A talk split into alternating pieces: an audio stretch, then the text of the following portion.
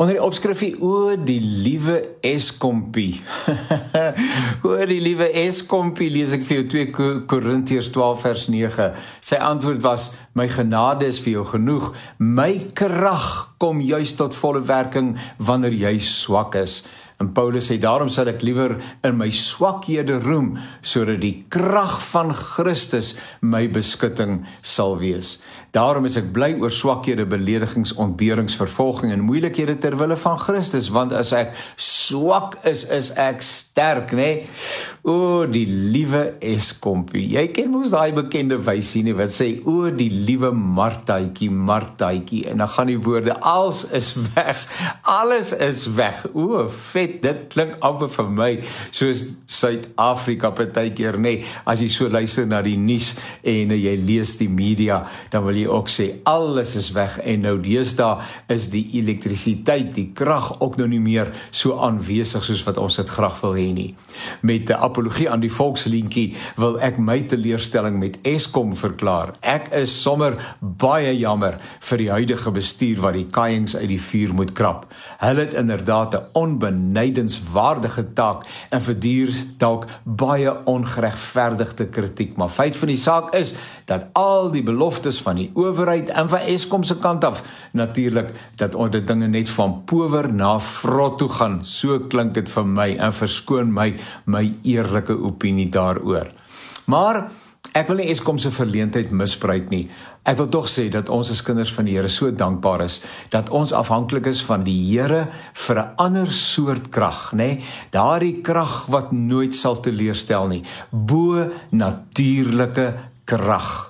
Uiteraard moet 'n mens by wyse van spreuke 'n appel maak op daardie krag. Anders is dit nie effektief nie. Anders sal dit nie werk in ou se lewe nie. Soos wat jy by 'n skakelaar verbystap en jy dit aanskakel ten einde lig te verskaf of 'n muurprop aanskakel om 'n elektriese toestel te laat werk, moet 'n Christen gelowige ewenigs in afhanklikheid van hierdie hemelse kragbron lewe.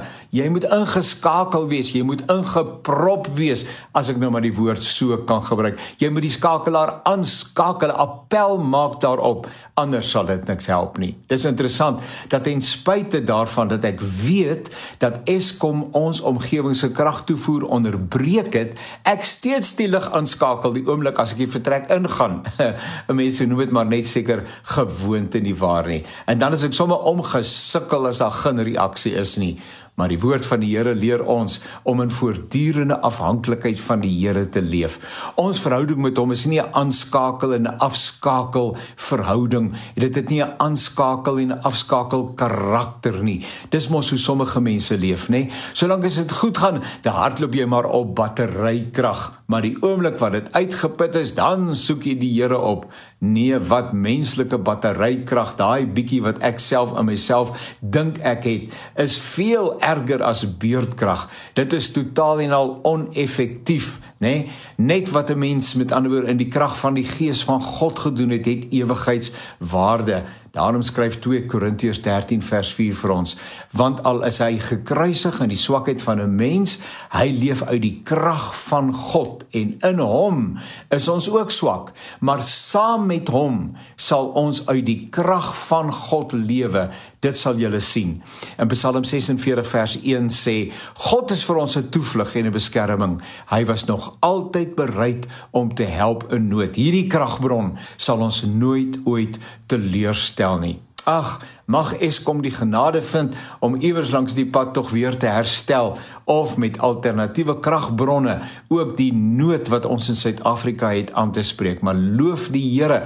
As ek vandag die naam van Jesus op my lippe neem, dan is die krag van God daar om vir my in my uitdagings en in my lewe te ondersteun en vir my te help om my roeping in hierdie wêreld uit te leef. Eweneens vir jou, sterkte hoor met die Eskompie, maar bly ingeprop, ingeskakel by hierdie hemelse kragbron wat jou nooit sal teleurstel nie.